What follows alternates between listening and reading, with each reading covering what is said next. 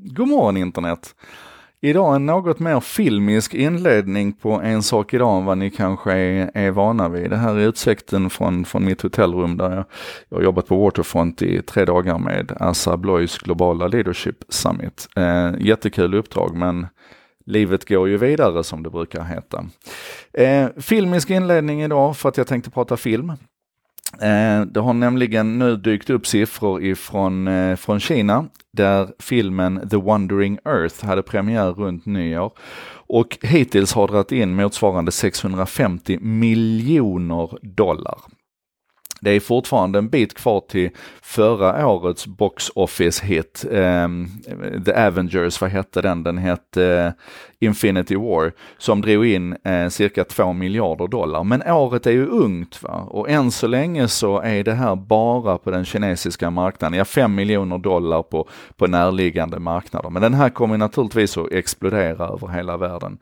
Nu brukar ju inte uh, filmer från, från Asien få samma genomslag i väst, men jag tror att eftersom det är så mycket intresse runt den här science fiction-rullen nu, The Wandering Earth, så kommer den förmodligen att, eh, att vinna 2019.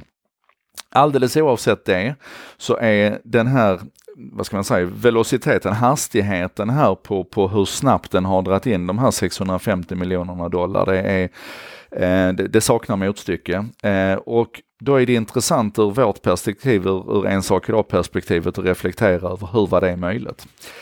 Och då är vi inne på den digitala kopplingen, för det är alltså Alibaba som äger bolaget som har gjort den här filmen, eller Alibaba Pictures som de heter, de äger, Alibaba äger 51% av det bolaget.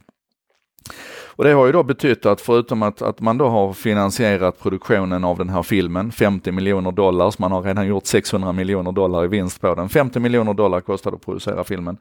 Utöver att man då har producerat den så har man sen kunnat lägga en veritabel bombmatta över hela Kina för att marknadsföra den här filmen och få folk att betala den och, och sådär. Och utöver då att den dyker upp på alla webbsajter som Alibaba eh, kontrollerar så har den ju dykt upp på första sidan i Alipay betalsystemet som, som nära nog 90% av den kinesiska befolkningen använder och sådär, vilket betyder att det är zero friction att bara klicka, ja jag vill, jag vill köpa en biljett till den här filmen och så.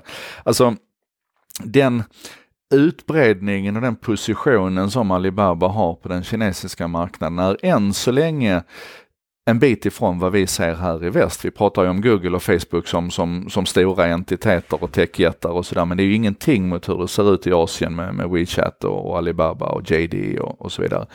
Och eh, det där kan vi fundera på. Vi kan också fundera över vad effekterna blir i det lilla perspektivet när Alibaba nu till exempel promotar den här att när de väl har, i och med att de äger så många kanaler och har den spridningen och allting liksom möts centralt i deras system så kan de när de har visat reklamen för dig, för den här filmen tills det att du har sett The Wandering Earth, så kan de ju sluta och då kan de ju återanvända de reklamytorna och de positionerna till någonting bättre, vilket betyder att hela, alltså hela modellen bär på ett annat sätt än vad det gör när det är distribuerat utspritt på det viset som det är här.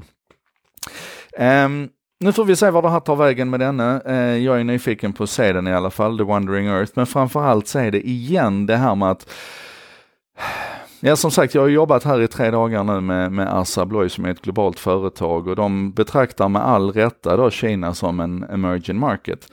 Men ur mitt perspektiv så det är inte, vi ska inte bara titta på emerging markets ur perspektivet att vi kan göra affärer där, utan vi måste titta på emerging markets ur perspektivet vad vi kan lära av dem. Hur vi kan, hur vi kan titta på Kina när det gäller eh, mobila betaltjänster och, och den här, eh, den här bombmattan av, av, av ett fåtal eh, företag som dominerar allting. Vi kan titta på eh, eh,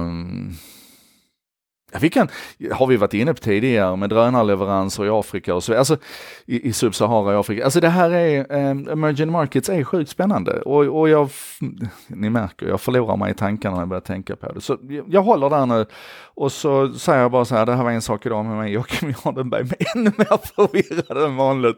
Eh, vi ses imorgon igen, nytt försök då.